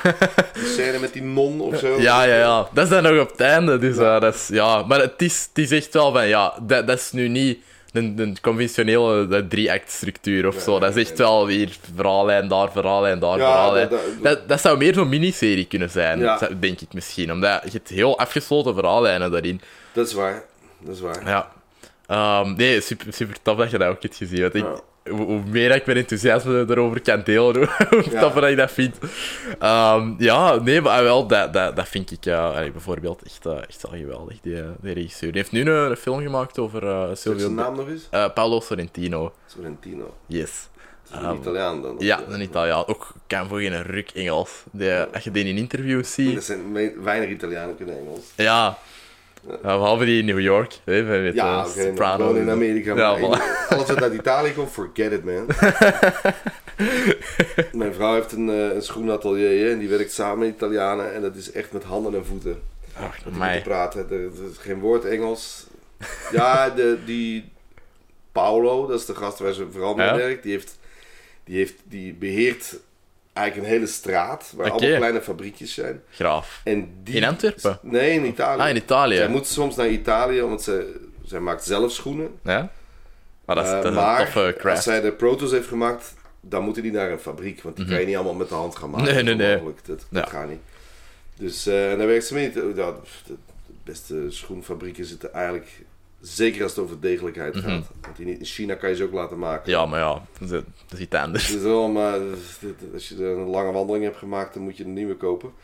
Maar die, schoenen hebben een topkwaliteit. En, eh, maar dat is ook zo typisch dat niemand daar Engels of Frans spreekt. Allemaal Ja. Italiaans, that's it. Ja, ik zou daar eens graag... Allee, ehm, Jimmy van der Velde, dat is een, allee, die, die doet de sociale media voor Teren het Play. Die zat hier eh, vorige week en die zei... Dat, wacht, hè, wat was het? Eh, het filmfestival van Bologna. Dat dat het schoonste filmfestival is dat hem ooit had gedaan. Dus dat wil ik zo graag doen. Allee, dat, dat, dat hem daar eh, dingen... Was? Eh, Once Upon a Time in the West. was hij daar met volle sterrenhemel. ehm, in, ja, op zo'n gigantisch plein aan het zien. Met echt zo veel speakers overal. En die zei van iedereen was aan het wenen van, van hoe schoon dat, dat was. Dat is ook wel mooi. Ja, dat zou ik- Konen natuurlijk, Ja. Italiaans erfgoed. Ja, ja, zeker. En Sergio Leone, hè. Ja. Daar moet ik nog wel mijn huiswerk over doen. Allee, dat, allee, ik ben nog maar eh, 19. Ik heb er niet zoveel kunnen Ja, die, zien. hebben, die hebben een grote rol gespeeld in het moderniseren van de cinema. hè. Ja. Je moet als oefening moet je die scène dat zij in Once Upon a Time in the West eh, uit de trein stapt op het Uh-huh. station. Moet je eens opzetten en de muziek uitzetten. Ah ja, oké. Ja. Dat is niks. Mhm, Oké. Iemand die uit een trein stapt, een mooie vrouw, Ja. een mooi decor, die kijkt waar rond. En op een bepaald moment loopt zij door en dan gaat de camera naar boven en dan zie je over een soort poort zie je de volledige cowboydorp. Ja. Maar met die muziek erbij. Ja, ja, ja. die vrouw die zingt. en nou, echt tranen spatten uit je ogen. Er is niks aan de hand. Ja, ja, maar dat, Niets aan de hand. nee, maar toch, die muziek Ja. is zo, zo meesterlijk. Allee, dat, dat, is, eh, dat ken je zelfs als je niet weet wie dat... Allee, of, Ja. allee, wat, wat dat die films zijn. hè. Die muziek je al op zoveel plaatsen gehoord. Dat is eh, geweldig. Ik, ik moet de camera nog eens, eh, Ja. nog eens even starten. Ah, dat is echt heel ambetant. Ehm, Ja, nee, dat is echt geweldig. Je zei ehm daarnet dat je eh, ook naar Game of Thrones keek. Wat vinden van het, eh, van, het, van het nieuwe seizoen? Wat vinden we van seizoen 8? Ja, heel goed, maar ik durf er niks over te zeggen, omdat heel veel mensen het nog niet gezien hebben. Oké, ja, nee, dat snap ik. Ik weet dat er mensen mij persoonlijk zouden lynchen als ik nu vertel wat ik gisteren gezien heb. Ja, oké. Heb jij Ah. het gisteren gezien? Ik heb het gisteren gezien. En ja, ik... eh, ik, ja. ik heb slecht geslapen. Oké, ja, het, het was... ja, nee, niet omwille van de niet... kwaliteit, maar omwille van wat er, wat er gebeurd is. Ja, het is... ehm allee, om, om niks te spoilen, eh, er, er is een eh, Duitse film, denk ik, uh, Come, Come and See of zoiets, ehm, dat, waar dat ze hun inspiratie van hebben gehaald. En ik vond, eh, ik vond de aflevering niet zo goed, gelijk de rest van het seizoen. Ah. Vind ik niet zo heel goed geschreven. Wel goed geregisseerd, want allee, Ja. dat, dat doe zeker niet onder. Maar bepaalde personages doen wel rare dingen, vind ik. Uh, maar we gaan niet into spoilers gaan.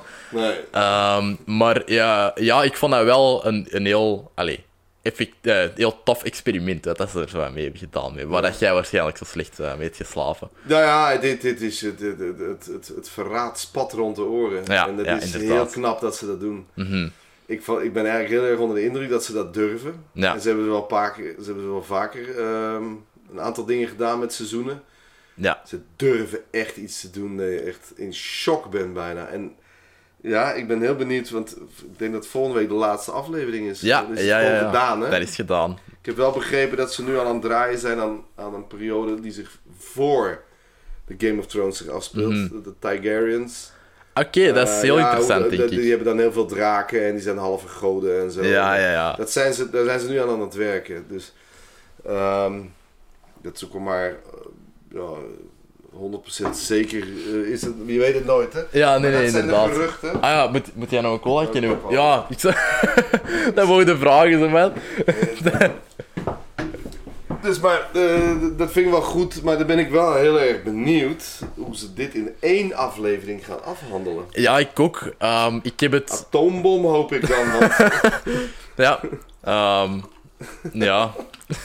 Dan, eh, ik was, krijg het niet verteld. was upon die a time in Nagasaki. eh. Ja, maar oh, tenzij die aflevering drie uur duurt. Maar dat Ja, ik denk 82 minuten of zo dat het gaat duren. dat is nog niet dat zoveel. dat is niet zoveel. Amper anderhalf uur. Ja, ik heb ehm, op Twitter gelezen vandaag, wat ik wel grappig vond. Van eh, eh, Game of Thrones is een heel, heel, heel, heel, heel lang voorspel. En dan eh, zie je op je klok en moet eigenlijk weg in, in dat is drie keer en dan, dan is het gedaan. Ja. Wat ik wel een redelijk accurate vergelijking vond met, met deze seizoen. Uh, Ja, vond ik wel grappig. ja, want als je in seizoen 7 de blauwe draak Ja, de muur ziet afbreken. dan denk je van, what the fuck? Wat gaat... En dat is, dat is in drie afleveringen opgelost. Ja, en, en zo, zo wat, ik vond die derde aflevering redelijk anticlimactisch met hoe dat, dat eindigde. Ik dacht, oké, ja, sure, tof. Maar had toch zo ietsje meer verwacht. Ik weet ook niet wat. Allee, ik weet echt niet... Ik bedoel, ik kan het niet beter schrijven, echt niet. Maar ehm, ja, ik weet niet. Het- is denk ik omdat... Toen dat ze nog de boeken waren aan het volgen, dat dat heel traag en heel hard aan het opbouwen, opbouwen, opbouwen. En nu is nu het zo van... alles samen. Ja. Ja, dat, dat krijg je bijna niet meer verteld. En ik vond dat mega tof in seizoen 7, omdat je nog een beetje verdeeldheid Ja, had. ja. En er, dat, vond- ik vond seizoen 7 geweldig en heel veel mensen ook, ook niet. Maar nu vind ik het echt wat... Ah, ik weet niet. Ja, Ik- nu moet het allemaal gebeuren. Voilà, maar hoe vertel ja. je dat? Het is Ja. gewoon een atoombom zou de oplossing Ja, zijn. inderdaad. dat is waar. Ja, want stel dat je dan één, één persoon krijgt de troon. Maar dat kan nooit in vrede zijn, dat weet je. Nee, nee, nee. Ik, Dat is nu al duidelijk. Na die aflevering Ja. van gisteren weet je, er zal gewoon geen vrede zijn. Nee, ik denk dat het heel, heel donker gaat eindigen. Ehm, denk Ja. ook. En dan ben ik benieuwd naar een boek. En ben ook nog benieuwder of dat die een boek er effectief nog gaat komen. Want die, die George R.R. Martin is ook al wel eh, eh, wat ouder aan het worden. En die moet er nog twee schrijven, dacht ik. Dus Ja, die is ook met het andere ding al bezig, van die Targaryen. Ja, ja, inderdaad. Wat ik wel goed vind hoor, want daar wordt zoveel over geluld. En je wordt alleen maar de Mad Queen, de Mad Queen. Ja, Ah, de Mad King. Mad King. De Mad ja, King. de, de Rhaegar Targaryen Ja. zeker. Uh, ja, dat, dat is wel een periode dat mij heel interessant lijkt. Om dan toch, toch dan terug in het verleden te gaan, denk ik dat dat wel een toffe serie kan Ja. Die mannen gaan Star Wars films regisseren, hè? of toch schrijven. Uh, Zo. die gaan eh, een Star Wars trilogie van hun eigen doen. Eh, die, eh, David Benioff en W.B. Wise. Dus ja, dit, eh, daar ben ik ook wel benieuwd naar Ja. wat dat die daarmee zouden doen. Ze hebben in elk geval een waanzinnige leerschool achter de rug. Zeker. Die we draaien op drie plekken tegelijk op de wereld. ja. Nou, ik, heb er wel een aantal van die dingen bekeken, zoals hoe de decors gebouwd worden Ja. en zo. ja, want daar heb je ook interesse in, hè? Ja. in de in decorbouw. Ja, Uh, zijn er daar ehm, nu meer aan het ingeraken? ja, moeilijk. Maar ik heb nu ook geen tijd meer. Maar ik, was, Nee. ik heb net een paar maanden geleden wel een decor mee, mee gebouwd. Een groot decor wat nu in Mechelen staat. Voor Abattoir Vermee. Maar daar heb ik het schilderwerk niet van gedaan. Ik had me wel aangeboden, maar dat doen ze dan liever zelf. Maar ik heb wel al het hout, de constructie heb ik wel Ja. gemaakt. Maar ja, ik zou... Oké, ik heb nu werk voor twee jaar. Heel veel werk heb Mhm. ik. En heel intens werk ook. Maar ik zou soms liever zo'n acteerjobje waarvan ik denk, dit doe ik echt voor het geld. En oké, dat klinkt pretentieus, maar is het niet. Want als ik het doe, dan doe ik het. Ja, Dan doe ik tuurlijk. voluit.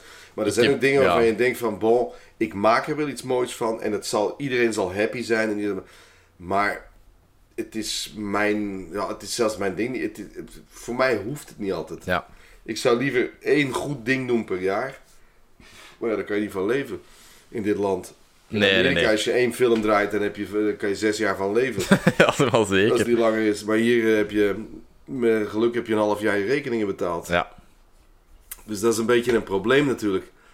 Uh, maar dan zou ik soms liever in decor heel actief zijn. Mhm. En een paar leuke acteerjobs doen. Maar die verschuiving die vindt maar geen plaats. Maar ja, whatever. Wat, wat dat ook, allee, dat is ook redelijk con- conventioneel, denk ik, om, om dat te doen. Maar ik, allee, ik, ik hoop dat het, dat het lukt. Allee, dat, dat wel... eh, Het, het gaat nu op een bepaalde manier gaat het heel goed. Dus ik heb ook zoiets van... Ja... eh, ik, ik, ben eh, eh, gelukkig. Ik heb geld. eh, ik Ja. kan mijn gezin onderhouden.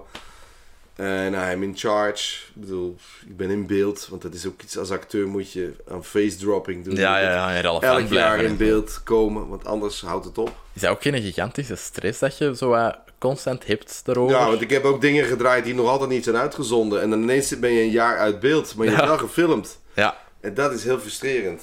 Ja, ja, van, ik heb het allemaal wel gedaan, het komt er wel, maar ja, Maar wa- Op wanneer? het moment dat je ineens in beeld komt, dan gaan ze terugbellen. Ja. Dus dat is zo, dat, ja, bij ons zit het in elkaar. Hè? Mhm. ja, spijtig genoeg wel. Dat is, eh, ja. Je mocht altijd in mijn eindwerk meedoen, Manu, eh, in, in het derde jaar. Dat, eh. Oké. Eh, ik hoop dat daar genoeg budget voor gaat zijn. maar ja, allee, that being said. Ehm, jij, jij, ja, om, allee, want ik wil dat toch zeker eh, droppen hoe dat we elkaar le- hebben leren kennen, of toch waar dat we elkaar hebben leren kennen, eh, in uw galerij. Ja. Ehm, vertel daar eens wat meer over. Ja, ik, ik ehm, als kind eh, deed ik, omdat ik heel slecht op school was, ik, ik kon niks. Omdat ik gewoon ja, geen focus had en het interesseerde me ook niet. Ehm, dus alles zat vol met schrijffouten. Eh, wiskunde was ik beter in, maar pff, interesseerde mij allemaal niet. maar wat deed ik? Ik maakte muziek. Ik, maakte, ik was altijd met, met, met entertainment bezig, Ja. hoe dan ook. En ik tekende heel veel. In de tekenklasse of handenarbeid, whatever je het ook wil eh, noemen, was ik altijd goed in. Ja. En eh, tekenen zeker. En toen ben ik op een naar een vakschool gegaan. En daar leerden we dan technisch tekenen. En ik denk, weet je, ik ga, ik ga eens laten zien dat ik mijn best doe. Dan ben ik naar een avondschool gegaan waar je extra leerde technisch tekenen. Dus dan kan je eh, meubels uittekenen.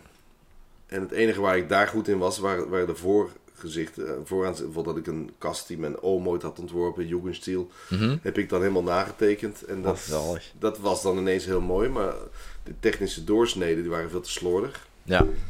Ehm, dat was wel perfect zoals het moest zijn, maar als je dan andere tekeningen zag, dat was, het leek alsof het uit een printer kwam. Bij mij zaten er echt vlekken op en zo. En, eh, gewoon een werktekening, hè. Ja, ja, voilà. Eh, kunst eigenlijk. En, ehm, dus ben ik eigenlijk tekenen mee gestopt. ja.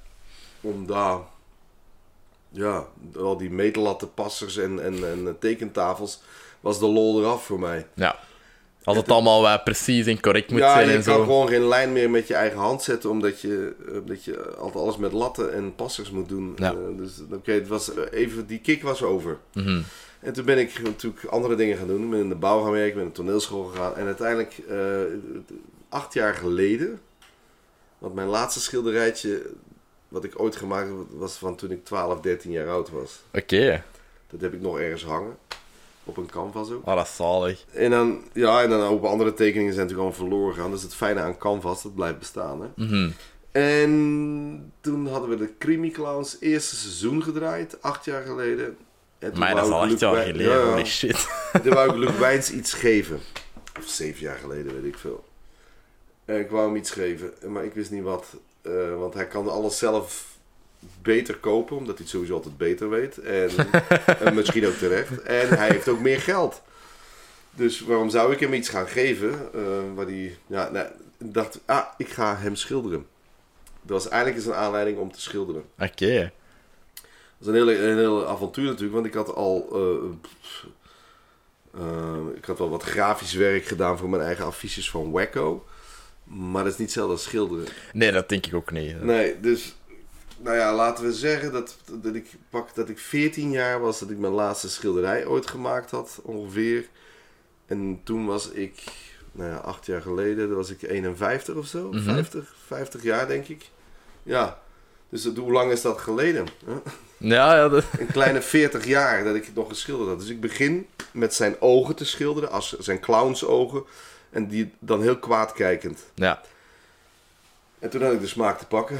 Dan dacht je van, deze is het. Ja, Allee, of- of- vooral het doen, hè. Het, Ja. het resultaat is een tweede, maar het, doen vond ik fantastisch. En dan ben ik zo, ja, elk jaar maakte ik wel zo twee schilderijen. En toen zag ik weer zo'n lege jaar aankomen in 2018, waar echt bijna niks in gebeurde voor Mhm. mij. Terwijl het er nu wel, ja, inderdaad, wel op de tv komt. Ja. Van ervoor, ja, bent undercover seizoen 1 is dat in 2017. 2017 gedraaid. Holy shit. Ja. En er is ook bende van, de bende van Jan de Lichter gedraaid. Ja. En nog een aantal andere dingen. En dus 2018 was er gewoon bitter weinig. Mhm. Ehm, ik, een goede vriend van mij heeft een, eh, een atelier vlakbij het Mas in de buurt. Ja. Een groot atelier. En die had al aangeboden van... Kom bij mij schilderen. Voor mij is dat ook gezellig. Beschouw dat dan als je bijvoorbeeld als je eh, belangrijke paarden hebt. eh, Ja, die, ja. die wedstrijden winnen. Ja, ja. Ja, die, daar zetten ze soms een geit bij. als eh, voor sociaal contact. Want met Oh, dat wist ik ja, niet. een ander belangrijk paard gaat die concurrentie bij voelen. Of het is te veel ego. Ja, ja. Dus ik ben, in dit geval ben ik de geit. Allee, dat is, eh, En die ja. gast die schildert waanzinnig en die geeft ook tips. die, en die, die geeft ook les op de academie en zo. En die is heel enthousiast over wat ik... En ik heb daar nu eigenlijk anderhalf jaar heb ik daar staan schilderen. En daar heb ik dan eh, begin eh, ergens in... Wat was het? Ergens in maart, Eh, zeker? ja, ja, ja, inderdaad. Heb Ehm, ik eh, een, een maand tentoongesteld. Ja. En is er, allee, als je dat niet wilt zeggen, moet je dat niet zeggen, maar is er veel verkocht geraakt? ja, de kleine werken vooral. Ja, een stuk of vijf verkocht. Het is heel grappig, want mensen kopen sneller kleine werken. Dat is deels budget, budgetair natuurlijk, maar ook omdat mensen hebben helemaal niet zoveel plaats om iets op te nee, dat is waar. Ik zou, als ik het budget ervoor zou hebben, zou ik het hier in het groot ophangen. Ja, ik had ja. er een aantal gezien dat ik dacht van, oh, mij, dat wil ik echt hebben, maar dat is, ja... zou er weinig hier passen. Ja, dat, dan zou ik dat allemaal weghalen, zeg. Geen stress. Dat, eh, dat, eh, ja, dat- Daar is een goede muur, zie je. ja, inderdaad. Ja, dat is eh, inderdaad En die wat muur. kleinere, want ik heb ook zoiets ja, die zo net, net geen meter breed zijn. Die, die, die, daar zijn wel wat opties op, maar ik zit nog te wachten tot mensen dat... eh, Ja. Ehm Maar die kleintjes, die zijn er, allemaal, die zijn er bijna allemaal door. alright. Dat, dat, is, dat, is al, dat is al top, hè. Want ze waren echt... Allee, bedoel, ik weet nu helemaal niet veel van schildertjes, maar ik vond ze echt super graaf allemaal. Ja, dat- dat- met- ik heb er re- goede respons op gehad. Oké, Eh, dat, is- ja, dat is top. ja. Het is ook wel allee, een, een tof galerijke, hè. Allee, dat, dat is Ja. ja. de zijstraat van de Nationaalstraat, Ja, zeker? het heet Nationaal 55. Ja, juist. Die doen moderne dingen. Die, die zoeken het overal een beetje. Mhm, ja. Het eh, ja, kan van alles zijn. Ze zoeken het erg in, in de straat ook. Bij, het mag street art zijn, Mhm. dat mag ook ehm, abstract zijn, figuratief. Eh, ze zijn op zoek naar nieuwe dingen. Ze zitten niet vast aan eh, een bepaald cliënteel. Ze hebben zoiets van Ja. wij laten zien wat we willen laten zien. Dat is, dat is top, allee, dat is echt, Ja. eh, echt wel supergoed. Ja, die zijn goed bezig. Ja, kijk, ben zeker... omdat ook- ze mij hebben... Nee. nee, ook kei sympathieke mensen. Ik heb Ja. er toen even mee gebabbeld. Ja. En, eh, ja, dat was... allee, ik weet nog dat ze, dat ze toen hadden gebeld omdat ehm, een, een maat van mij, allee, iets, die, is, die is 50, allee, iets oudere maat van mij, die, die zei van, ah, ik had je dan verteld over de podcast en die zegt van, ah ja, wil jij maar, wil jij maar ook kersting leren kijken? Ik zeg what the fuck, ja, tuurlijk, jongen. Eh, en die zegt, ah, kom dan gewoon morgen naar... ehm, naar die galerij. Dus ja, ik, we waren alle twee zo'n beetje ver- vergeten dat we dat afgesproken. Allee, dat was wel met een drankje erbij, dus dat, dat, ja, we waren dat een beetje vergeten. En we lopen er toevallig voorbij. En van, ah, kom, we gaan hier nu binnen. We, hebben het hier gisteren over gehad. Ik zeg, ah, juist. Jij wordt daar juist weg. Als hij tegen de, eh, de mensen van de galerij zegt, ah ah ja, wilde jij die anders bellen? Allee, of, of dat die daar terugkomen? En jij was toen teruggekomen. Jij was toen, denk ik, vijf minuten weg. Ehm, en dat- ja, dat was toch super gezellig die avond. En Ja. die, die mannen hebben allemaal zo wat gezien van... die hadden wel het idee om, om misschien niet te kopen en zo. Ik had de indruk, maar het is er nog niet van gekomen. Nee, weet, nee, eh, inderdaad. Maar ehm, die, die zijn met van alles bezig. Dus. Ze, ze, ze- weet je, degenen die niet verkocht zijn, die, eh, die zijn nog te zien in het kas ja, oké. op de linkeroever. Kunst aan de stroom. Ehm, en tja, die gaan ook nog naar een cultureel centrum ooit een keer. Waar weet ik even niet, maar eh, dat is al vastgelegd. En ja, die, die blijft die dingen tentoonstellen. Ja. Hè? En er blijft altijd een mogelijkheid om ze te kopen. Maar Mhm. ja, ik ben nu vooral... Ik heb nu alweer drie werken gemaakt. Ja, dat wou ik juist vragen. Want Ja. zijn er nu nog eh, ja, ik heb er weinig tijd voor, maar er waren mensen die wilden. Ik, doe, ik werk normaal niet in opdracht, maar die hadden een foto gestuurd van die, een vader die zijn hand heel groot in beeld is en dan een heel klein babyhandje van zijn zoontje. Ah, mij. Ah, dat is, dat is en dat is een heel goede foto. Ja. En ik heb die, eh, mijn eh, versnellingsbak van de BMW's naar de zak. En ik moet heel veel en snel geld hebben. ja.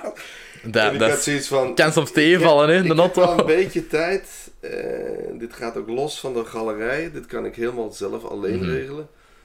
heb ik ook met de galerij zo afgesproken. Eh, en ik- het is al af. Het ligt klaar. Ah, Eind van de maand halen ze het op. Alright. Ik ben heel benieuwd of ze het, of het mooi vinden. We hadden al een prijs afgesproken. Ja, dus, eh, ja. Ja dat, eh, dus nu ben ik al op bestelling aan het schilderen. Oké, ja, dat, eh, misschien wordt dat de, de volgende stap in uw carrière. Ja, wie weet. Wie weet, inderdaad. Maar eh allee, ik wil je toch zeker nog veel op de tv zien.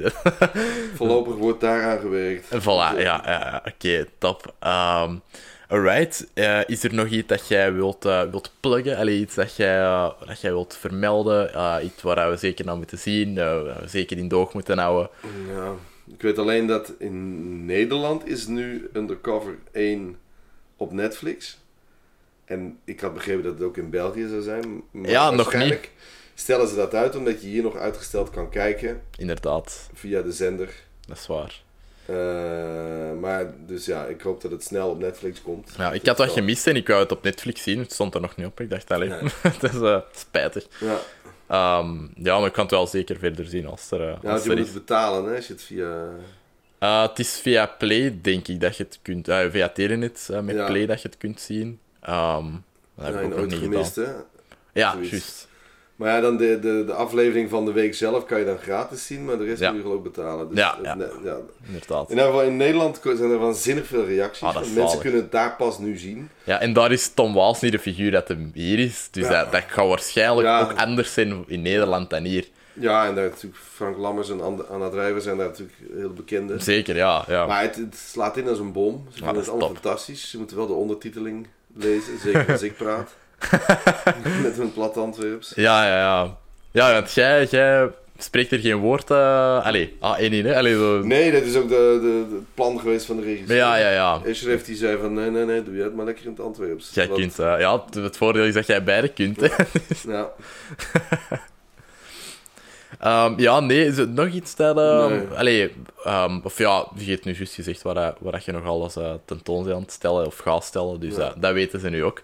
Eh, Oké, dan bedank ik u gigantisch hard om af te komen. Ja, graag vond het kei tof. En, en ja, ehm, ik zou zeggen, eh, tot de volgende. Ehm, ja, keep me posted.